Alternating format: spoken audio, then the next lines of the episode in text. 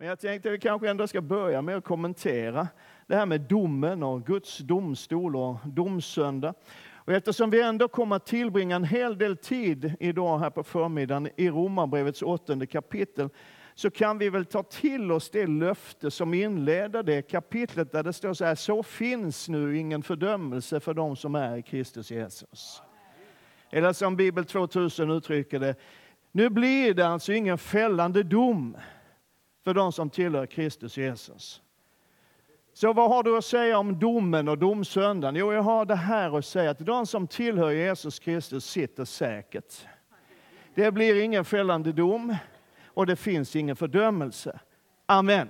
Så, eh, nu skulle jag vilja fortsätta lite grann där vi slutade förra söndagen. Vi är inne i en, i en serie av predikningar som handlar om hoppet. Som handlar om hoppet som bär oss, om hoppet som finns där. Och förra söndagen så talade vi om det här. Och det, det var inte en sån där happy clappy söndag, men det var bra. Var det. Vi talade om vad händer med min tro och med mitt hopp när det värsta händer i mitt liv. Och lyssna gärna på vår podcast, inte för att du missförstår min skånska, utan för att du kanske missade förra söndagens predikan. Den finns där. Och jag vet, för därför att ganska många har sagt det till mig under veckan som har gått, att det där var till hjälp. Så ta till dig det. Men du, du kan liksom ändå följa med i det vi ska tala om idag. Det hör ihop med förra söndagen, men är ändå lite fristående. Så Det sista vi sa i söndags, det var det här. Vårt hopp bygger inte på att livet går på räls. Och det bygger inte på att vi har fått svaren på alla frågor som vi möjligen har. Det bygger inte ens på hur många av Guds löften vi får se uppfyllda i våra liv, eller hur mycket av hans välsignelse vi får erfara. Vårt hopp bygger helt och hållet på vad Gud redan har gjort för oss genom att Jesus dog, uppstod och lever. Och så sa vi, och det hoppet sviker oss inte. Amen. En enda vers från psalm 33. Kan vi inte läsa den här tillsammans? Högt och ljudligt så det liksom dånar ut över stan. Det står så här då. Låt din nåd vila över oss, Herre. Vi sätter vårt hopp till dig. Nu läser du som du menade. Låt din nåd vila över oss, Herre. Vi sätter vårt hopp till dig. Amen. Den engelska översättningen som vi oftast använder i, i, när vi använder engelska översättningar, NIV, säger så här. May your unfailing love be with us Lord. Even as we put our hope in you. Alltså, låt din osvikliga kärlek vara med oss, Herre. Jag blev lite sådär knockad häromdagen. Ehm, vår dotter Emma eh, hade lyssnat på de här predikningarna om hopp på vår podcast. Och när hon hade lyssnat på predikan från förra söndagen, den som handlar om vad som händer med vårt hopp och vår tro när det värsta händer i vårt liv. Eh, när hon hade hört den så skickade hon en Spotify-länk till mig med en sång som jag aldrig hade hört förut. Och det blev lite grann märkligt för att någon annan på en helt annan plats i världen helt annan situation, har liksom skrivit och spelat in en sång som säger exakt det som jag försökte säga i söndags. Den här sången är skriven av en ung tjej, 21 år gammal tror jag hon är, som heter Katie Nicole. Eh, och när jag hade hört sången så jag den här människan måste jag kolla upp, för jag hade aldrig hört talas om henne förut. Hon föddes med skolios, svår skolios och levde liksom hela sin uppväxt med, med smärta och värk och, och, och, allt det som det kan föra med sig. Eh, och blev till slut inlagd för operation, en lång operation som tyvärr inte gick särskilt bra. Utan när hon vaknade upp ur den här eh, narkosen efter operationen så hade hon en fruktansvärd smärta i hela kroppen. Och hon blev sängliggande och den här verken och smärtan började påverka hennes psyke. Alltså hon blev nerbruten till den punkt när hon bestämde sig för de får ta ut alla plattorna och alla skruvarna och allt det de har tryckt in i min ryggrad så får det gå hur det vill. Och så bad hon och hennes vänner bad om man gör den här operationen och när hon kommer ut ur operationssalen så är hennes rygg rakare än den var innan den första operationen. Och Gud har gjort ett mirakel. Men hon använder i den här sången bilden av en trasig bok för att beskriva sitt liv och sitt hopp och hur, hur det kan vara att leva när inte allting går på räls. Och jag jag bara kör den, min egen taffliga svenska översättning av ett par snuttar ur den här sången. Eh, så, så kan du läsa själv om du vill ha den i original. Då säger så här, det finns trasiga sidor i den här boken. Ord som säger att jag inte duger. Kapitel som har definierat mig så länge men nådens och den oändliga kärlekens händer dammade av mig, lyfte mig upp och sa till mitt hjärta att hoppet har inte försvunnit. Och så konstaterar hon, Gud finns med i den här berättelsen är med detaljerna, även i de trasiga delarna. Han håller mitt hjärta. Han misslyckas aldrig. När jag är som svagast litar jag på Jesus. På topparna, i dalarna är han den som går framför mig. Gud finns med i den här berättelsen. Och så säger hon i sin sång till dig och mig, så om stormen du vandrar i känns för svår och du undrar om han ens bryr sig alls, så håll fast vid det du vet. Han har lovat att inte släppa taget och din sång om läkedom är skriven i hans sår. Och du vet och jag vet att det finns så oändligt mycket i livet som verkar vara designat och specialtillverkat för att stjäla vårt hopp och stjäla vår glädje och riva sönder vår tro. Och vi möter det hela tiden, i stort sett varje dag. I motgångar av olika slag, i svårigheter som händer, i svek, i oroande världshändelser, i klimatkris och ofattbar ondska och fruktansvärda förluster. Och inte minst så möter vi det nästan varje dag i alla fall, i våra egna misslyckanden, att vara de som vi egentligen vill vara. Och ibland blir det bara för mycket. Och då kan man undra och ställa sig den frågan som jag skulle vilja tala om en liten stund idag. Hur behåller man hoppet i en värld som verkar vara hopplöst trasig? Hur behåller man hoppet i en värld som verkar vara, eller faktiskt är, hopplöst trasig?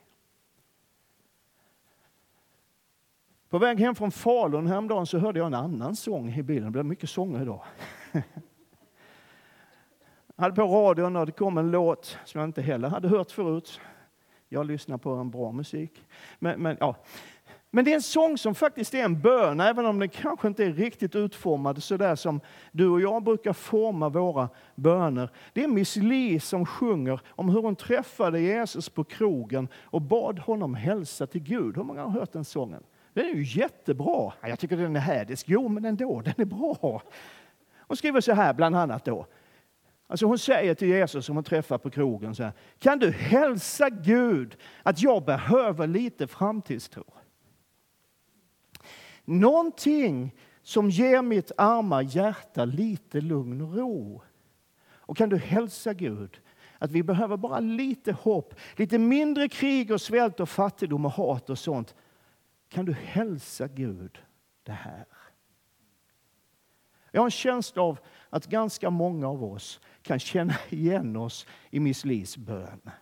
Kan du hälsa Gud att så här kan vi inte ha det? Så hur behåller man hoppet i en värld som faktiskt är hopplöst trasig? Det finns ju ganska många definitioner på hopp. Om du slår upp ordböcker och synonymordlistor och, och sånt där så kan du få ganska många beskrivningar. Men jag kommer fram till att om man slår ihop dem lägger ihop allting du kan liksom tänka att hopp är, så blir det ungefär så här att ditt hopp är den person eller den situation till vilken du riktar dina förväntningar. Hängde du med? Ska jag ta det en gång till? Behövs det på engelska? Ja. Ditt hopp är den person eller den situation till vilken du riktar dina förväntningar. Alltså när du ser in i din framtid, tänker framåt och funderar över hur ska det bli? Så kanske dina förväntningar står till ja, men den där relationen, eller den där utbildningen, eller det där projektet, den där människan, eller den där förmågan du har, eller någonting sånt där. Och grejen är att alla människor sätter sitt hopp till någonting eller till någon. Ofta ganska omedvetet. För de allra flesta så är det nog lite så att den enda gången vi egentligen funderar så mycket över vårt hopp är när vi håller på att förlora det. Och om den eller det som jag har satt mitt hopp till inte lever upp till mina förväntningar så inträder den där känslan av hopplöshet. Alltså när den eller det som jag har satt mitt hopp till inte lever upp till mina förväntningar så kommer ju liksom hopplösheten som ett brev på posten. Ja, de kommer ju aldrig fram, men du fattar vad jag menar. Och det är ju någonstans där i den här spänningen som ligger i att bevara hoppet i en hopplöst trasig värld som vi kanske upptäcker att den eller det som vi har satt vårt hopp till inte är så där säkert och stabilt som vi tror. Och genom hela Bibeln, från Gamla testamentet och hela vägen in i Nya testamentet, så är uppmaningen till oss kristna att sätta vårt hopp till Gud. Han är hoppets Gud, säger Guds ord. Han är den som lovar att ge oss en framtid och ett hopp. Och Paulus skriver till Titus att Jesus Kristus är vårt saliga hopp. Det är inget deppigt hopp, det är ett saligt hopp. Och till Timoteus så skriver Paulus ungefär så här, att säg till dem som är rika att inte sätta sitt hopp till något så osäkert som pengar, utan till Gud. Man skulle kunna skriva exakt samma sak om alla de olika saker som vi sätter vårt hopp till. För grejen är ju att, att det här med att, att sätta sitt hopp till Gud och bara till Gud är rätt svårt för oss. Eller hur?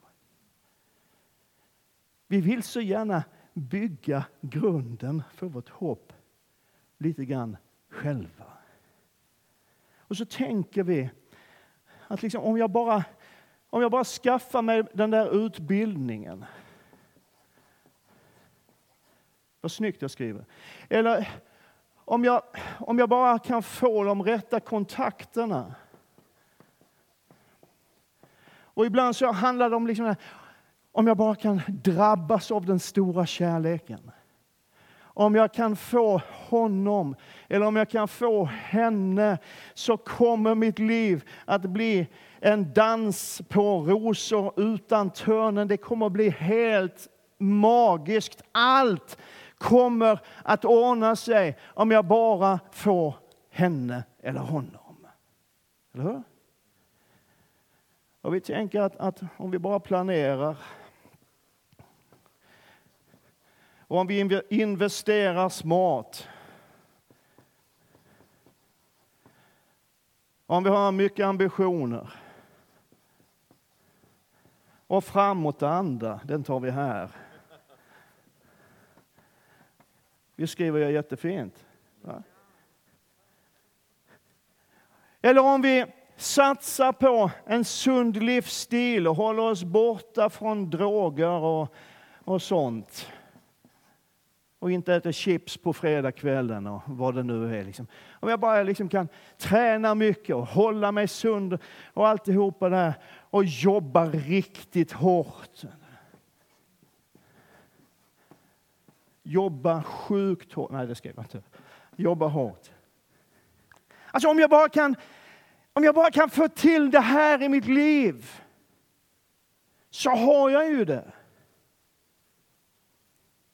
Allt det där som vi hoppas på, det finns säkert mycket man kan lägga till. Du kanske hoppar på något annat. Men det är ju liksom så att vi gör allt vad vi kan, allt i vår makt för att sätta vårt hopp till sånt som vi själva kan kontrollera. Sånt som vi har skapat, sånt som vi har fixat, sånt som vi får till. The self-made man. Och är vi då kristna så kanske vi ber Gud, låt det här hålla. Välsigna Gud mina planer, det jag har fixat till. Problemet är, och många av oss vet det redan, speciellt vi som har levt några år, att det spelar ingen roll hur smart du är. Det spelar ingen roll vilka kontakter du har, hur noggrann du är, hur välutbildad du är, hur framgångsrik du är. Det kommer en dag när du kommer att upptäcka att vi lever i en hopplöst trasig värld. Och låt mig få säga det här. Jag, egentligen vill jag inte säga det, men jag säger det ändå. Det kommer en dag när du blir sviken. Det kommer en dag när det inte blir som du har tänkt. Det kommer en dag när du blir besviken och sårad. Har det inte kommit än? Det kommer en sån dag. Och då kan man ju tänka så här, alltså, varför är det så? Varför måste det vara så? Och Bibeln förklarar det, varför det är så. Paulus förklarar det i Romarbrevet 8 som vi snart ska titta på. Och i ett sammanhang som vi ganska sällan läser ur det här perspektivet. Men innan vi går in och läser lite mer i Romarbrevet 8, låt oss ta en snabb titt på någonting som är väldigt väsentligt. Synden. För grejen är att det här är roten till och själva ursprunget till att vår värld är så hopplöst trasig. Och när vi tänker på, på synd, speciellt vi som kommer ut, utifrån en väckelsekristen tradition eller en pingstkarismatisk tradition, så tänker vi på synd som enskilda dåliga handlingar. Det är därför vi frågar, liksom, är det där synd? Är det synd? Är det synd att göra så eller vara sån eller tänka så här? Är det synd? Är det synd att gå dit eller att inte gå dit? Är det synd? Men du vet, i Bibeln, när Bibeln beskriver synd så är det någonting som är betydligt större och mer omfattande och faktiskt farligare än enskilda onda handlingar. För Bibeln visar att människans synd, vårt uppror mot Gud, orsakade att ett beskydd som fanns av Guds härlighet försvann ifrån skapelsen av världen och att synden därmed påverkar allt. Det är som en sjukdom, som ett genetiskt fel, som en smitta som påverkar hela skapelsen och är allvarligare än covid-19. Därför att varenda cell och varenda atom i den här skapelsen är drabbad av den. Den påverkar relationen mellan Gud och människa. Den påverkar relationen mellan människa och människa. Och den påverkar relationen mellan människa och den här skapelsen. Allt. Och det är en dödlig smitta har du tänkt på att allt som lever kommer att dö? Är du inte glad att du kom till kyrkan idag för att bli uppmuntrad i din tro? Det blir bättre. Men det här är grunden för det resonemang som Paulus för i Romarbrevet 8. Sen så här. Skapelsen har ju blivit lagd under förgängelsen. Inte av egen vilja, utan genom honom som lade den där under. Ändå finns det hopp om att även skapelsen ska befrias från sitt slaveri under förgängelsen och nå fram till Guds barns härliga frihet. Alltså vad står det? Jo, det står att hela skapelsen ska en dag nå fram till det som redan är lovat till Guds barn. Amen. Det är grunden för den återställelseteologi som vi oftast predikar i den här kyrkan. En dag kommer allt att vara som Gud har tänkt att det skulle vara. Amen. Men skapelsen ska nå fram till det. Och sen ser du att jag har kursiverat ett par ord här. Slaveri under förgängelsen. Visst låter det härligt? Nej. Vad betyder det? Ja, men det betyder ungefär det som du såg en skymt av i morse när du tittade dig i spegeln i badrummet och tänkte, vad i all världen är det här? Alltså det betyder att, alltså det betyder exakt det vi nu sa, att allt, precis allt som lever kommer att dö. Och att ingen Oavsett hur god och underbar och fantastisk den personen är, kommer undan den sanningen. Vet du, om du tänker på den mest fantastiska, underbara, godaste person som någonsin har levt på den här jorden eller lever på den här jorden, så är han eller hon antingen redan död eller kommer att dö. Och det handlar inte om personlig synd, utan om hur synden har påverkat allt. Vi skickar ju över bibeltexterna på engelska till, till våra tolkare. Och det gör att man kollar lite extra ibland på vad, vad säger den engelska bibelöversättningen. Och det här säger NIV, New International Version, att skapelsen har drabbats av frustration över hur det har blivit. Eftersom den, den är in bondage to decay. Alltså den är bunden till förfall, bunden vid sitt eget förfall. Och vi är en del av skapelsen, du och jag. jag. Kanske du inte visste, men så är det. Vi är ju en del av skapelsen. Och så ofta kan vi känna av den där frustrationen, eller hur? Nej. Eller hur? Ja, tack. När tillvaron rasar, när det inte blir som vi har trott och planerat, när relationer brister, när vänner sviker, när sjukdomen bryter ner vår kropp, så fattar vi vad Paulus menar när han skriver om skapelsens frustration. Men Paulus fortsätter och säger så här. Vi vet att hela skapelsen gemensamt fortfarande suckar och våndas. Och inte bara den, utan också vi som har fått anden som förstlingsfrukt suckar inom oss och väntar på barnaskapet, vår kropps förlossning. Alltså hela skapelsen våndas och suckar och längtar efter förändring. Men Paulus säger, men det gör vi också. Även om vi är Guds barn redan nu och här, så är vi ju inte där ännu i den där totala friheten och glädjen. Utan vi väntar också på, suckar efter, längtar efter den totala förvandlingen, den totala förändringen. I hoppet är vi frälsta, men ett hopp som man ser uppfyllt är inte längre något hopp. Vem hoppas på det han redan ser?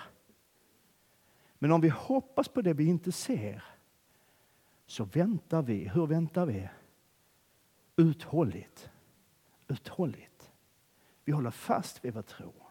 Vi håller fast vid vad Jesus har sagt och vi släpper inte taget om vårt hopp. Och sen kommer ett par verser i det här kapitlet som antagligen tillhör några av de mest missförstådda och kanske till och med mest misshandlade i Romarbrevet. Så här så hjälper också Anden oss i vår svaghet. Vi vet inte vad vi borde be om, men Anden själv vädjar för oss med suckar utan ord.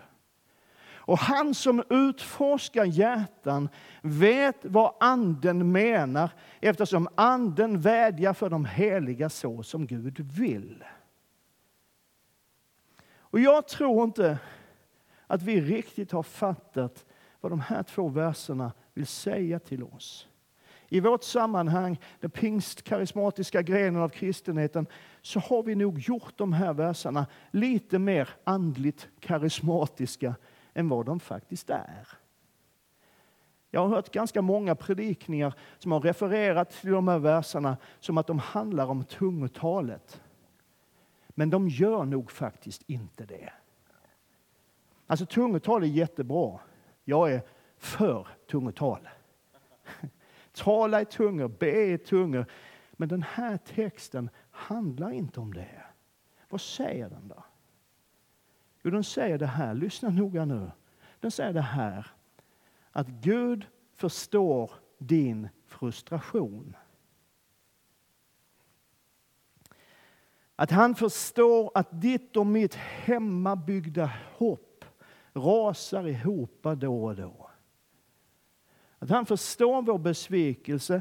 Han förstår den där känslan av att vara så sårad och så slagen och så till intet jord att vi knappt ens orkar sucka. Och den här texten säger att Gud förstår det så väl att hans ande, den helige ande, ber för dig i de där suckarna. Det är vad det står här. Och det kan säkert vara i tungotal, men det är liksom inte poängen. Utan poängen är att Gud är med också när allting har rasat, när vi är som svagast, när ingenting av det vi har hoppats på och trott på och längtat efter ens finns kvar, så är han så mycket med och så involverad i ditt liv, också i de stunderna att Anden själv, den helige Ande, ber för oss i de situationerna. Det är vad den här texten säger. Vi hoppar fram en bit till vers 31. Vad ska vi nu säga om detta? Säga om vad då? Ja, vad ska vi säga om allt detta med att skapelsen är slav under förgängelsen, bunden vid sitt eget förfall. Vad ska vi säga om att livet går sönder, att planer och förväntningar grusas och att det ibland är så fruktansvärt jobbigt att leva och att ens orka se något ljus och att bevara sitt hopp. Och så blir Paulus fråga då, hur, vad ska vi säga om detta? Hans svar blir en retorisk fråga när han säger, ja men vi säger så här om detta, att om Gud är för oss, vem kan då vara emot oss? Det är svaret. Vad ska vi säga om allt det här? Vad ska vi säga om att ditt hopp har gått sönder? Vad ska vi säga om att relationer har trasats sönder? Vad ska vi säga om att det som du hoppades på och längtade efter, det blev aldrig av? Vad ska vi säga om att den där sjukdomen som du har burit på så länge och, och väntat på att Gud skulle hela dig från, men den är fortfarande där. Vad ska vi säga om allt det här? Jo, vi ska säga att om Gud är för oss, vem kan då vara emot oss? Alltså om Gud är för oss och med oss och förstår oss och är involverad så mycket så att hans ande ber för oss när livet går sönder.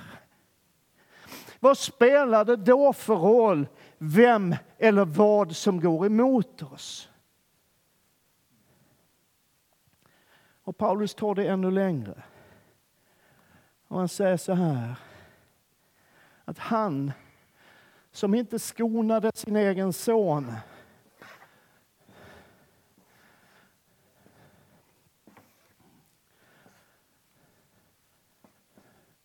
Vi behöver ha lite strålglans här också. Han som inte skonade sin egen son utan utlämnade honom för oss alla. Hur skulle han annat än att också skänka oss allt med honom Gud inte bara förstår din och min frustration. Det är inte bara så att han känner med oss när allting har gått sönder. Det är inte bara så, även om det inte är så bara, att anden ber för oss när allting har rasat. Utan Gud gick längre än så. Han gav sin son, han gav sig själv för att ge dig och mig en framtid och ett hopp. Där finns det hopp som inte gör dig besviken. Och där finns det hopp som bär oss genom allt. Och sen räknar Paulus upp i fortsättningen av kapitlet, några verser fram, så räknar Paulus upp en lång rad av sånt som liksom är designat och specialtillverkat för att få oss att ge upp. För att få oss att förlora hoppet. Han pratar om ångest. Han pratar om nöd. Han pratar om fattigdom så djup så att man varken har mat eller kläder. Han pratar om faror av olika slag. Han pratar om hot. Och så avslutar han det sammanhanget och sin lista med de här makalösa orden. Men jag är viss om att varken död eller liv, eller varken änglar eller första, varken något som nu är eller någonting som ska komma, varken makter, höjd eller djup eller någonting annat skapas, ska kunna skilja oss från Guds kärlek i Jesus Kristus, vår Herre. Låt din unfailing love, din osvikliga kärlek, din nåd var med oss och vila över oss, för vi sätter vårt hopp till dig. Så vill du hitta ett hopp som inte sviker, ett hopp som aldrig gör dig besviken, ett hopp som är stabilt, fast och säkert, ett hopp som ingenting kan rubba, så är Guds ords hälsning, sätt ditt hopp till Gud. Hur förhåller man sig då till det här? Det här som vi själv försöker fixa till. Alltså, grejen är ju att det här är ju egentligen bra saker. Eller hur? Det är ju vettiga saker. Det är smart att skaffa sig en utbildning, det är bra att ha goda kontakter. Kärlek är underbart, planering är tråkigt men bra. Eh, investera om du har... Alltså alltihop det här, det är ju vettiga grejer. Hur ska jag förhålla mig till det här?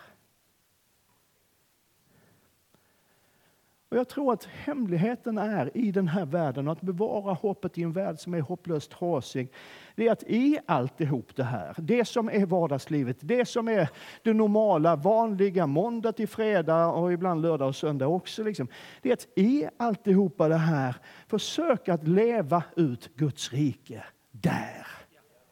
Att försöka leva ut Andens liv i allt det här. Men vi sätter inte vårt hopp här. Och Det betyder att om du älskar som en galning men inte blir älskad tillbaka så förlorar du inte ditt hopp. För ditt hopp var ju ändå inte här, för det var där. Om du betjänar andra med allt vad du är och har lever ditt liv för andra människor, men känner jag får ingenting tillbaka alls någon gång, så förlorar du inte ditt hopp, för ditt hopp är ändå inte här, för det är där. Om du förlåter andra människor, oavsett vad de har gjort mot dig, men själv inte kan bli förlåten när du har gjort något litet fel, så förlorar du inte hoppet, för ditt hopp var ändå aldrig där, det var där. Och om du utbildar dig, du planerar ditt liv, du arbetar så hårt du kan, men ingenting blir som du har tänkt, så tappar du inte hoppet. Därför att ditt hopp var inte där, utan där. Om du sparar inför framtiden, planerar och investerar för din ålderdom, det är nog dags att vi börjar med det Gittan. Men, men liksom inflation och usla tider äter upp allt vad du äger och har, så tappar du inte hoppet därför att ditt hopp har aldrig varit där, utan där. Ditt hopp finns i vad Jesus Kristus har gjort för dig och ingenting annat. Hebreerbrevet 6, jag har citerat det några gånger under den här serien. Jag älskar den här texten. Vi har sökt för tillflykt i att hålla fast vid det hopp vi har framför oss. Och detta hopp har vi som ett tryggt och säkert själens ankare som når innanför förhänget, ända in i det allra heligaste, ända in till Guds tron. Dit gick Jesus in och öppnade vägen för oss. Wow! Lyssna nu. Det är vad du sätter ditt hopp till som avgör om du kommer kunna bevara hoppet i en värld som är hopplöst trasig. Det är var du lägger ditt hopp, vem du sätter ditt hopp till som avgör om du kommer att kunna bevara hoppet i en hopplöst trasig värld. Vårt hopp är inte lyckliga omständigheter eller vår egen förmåga eller andra människor eller plötsligt händade turen eller till att alla våra planer ska gå i lås utan vårt hopp är satt. Ska vi be lovsångarna komma upp? Vårt hopp är satt till Jesus Kristus. Och i det hoppet har vi ett fast ankare för vår själ och för våra liv.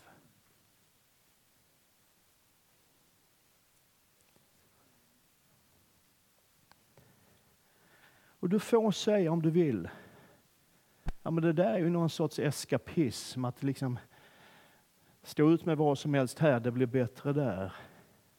Du får säga det. Men jag vet att den här världen är trasig.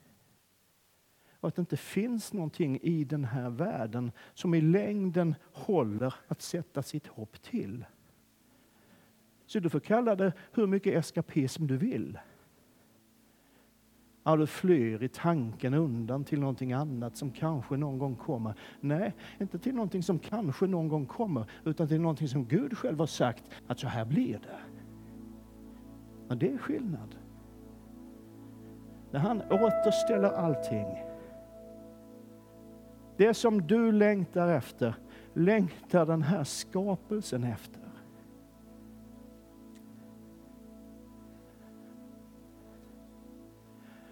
Och det är ju, som, som, det är ju nästan som att Paulus skriver där i, i Romarbrevet, att liksom skapelsen, atomerna och det där du vet, molekylerna och allt sånt. Att de, de, liksom, de vet om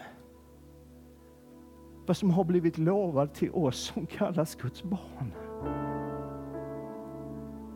För det står att skapelsen längtar och suckar och våndas efter det som vi som Guds barn har blivit lovade.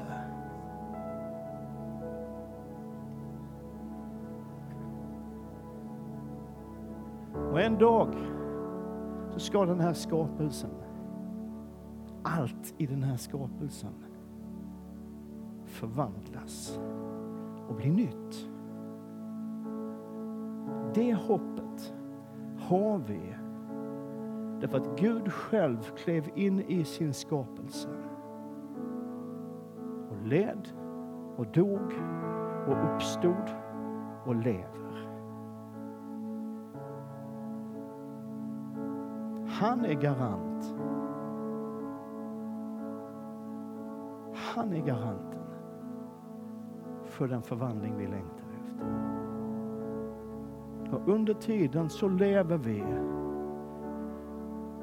på samma villkor som andra människor i den här världen. Vi drabbas av det svåra.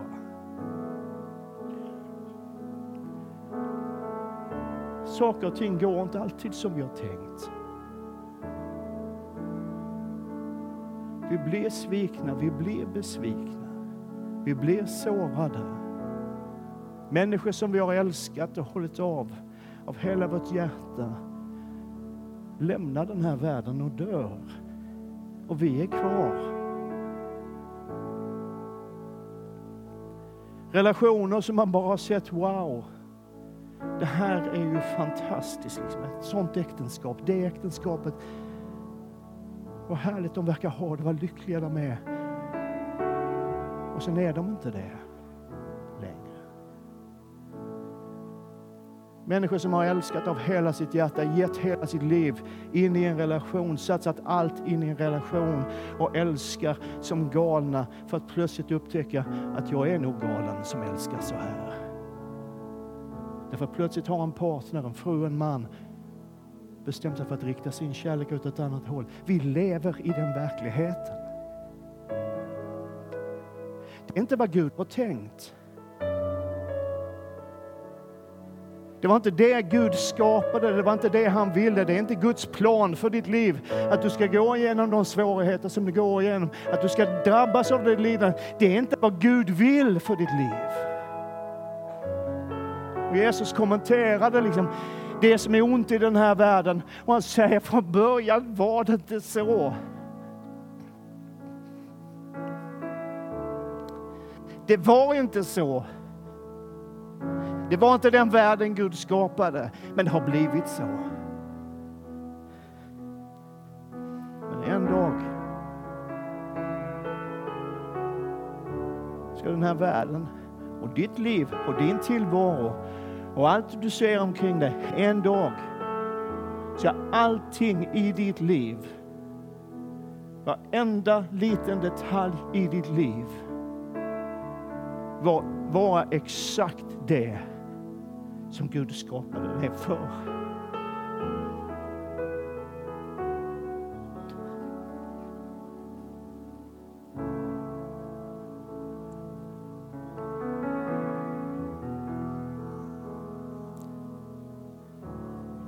Det är hoppet som bär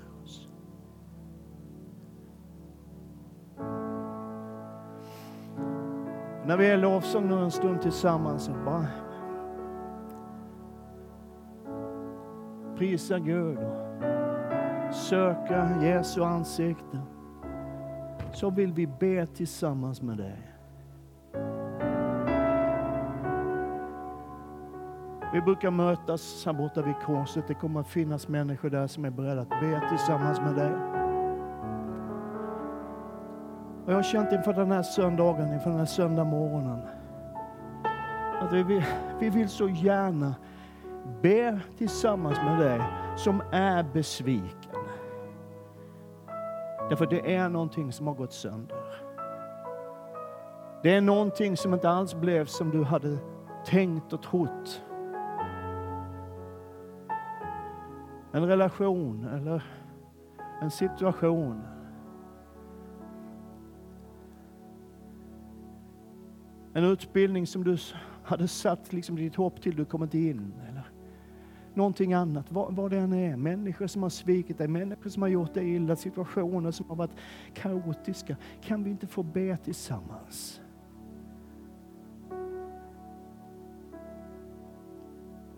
Därför när vi gör det så kopplar vi ihop med Guds ande.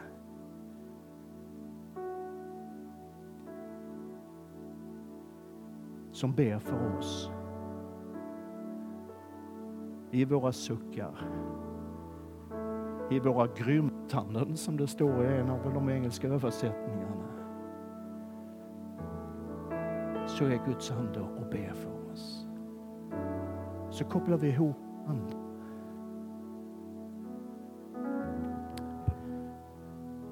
Jag har berättat förut, det har funnits, det har funnits dagar under de sista, de sista månaderna när jag inte ens har orkat be. Och det som har burit mig då är att jag har vetat att du har bett för mig.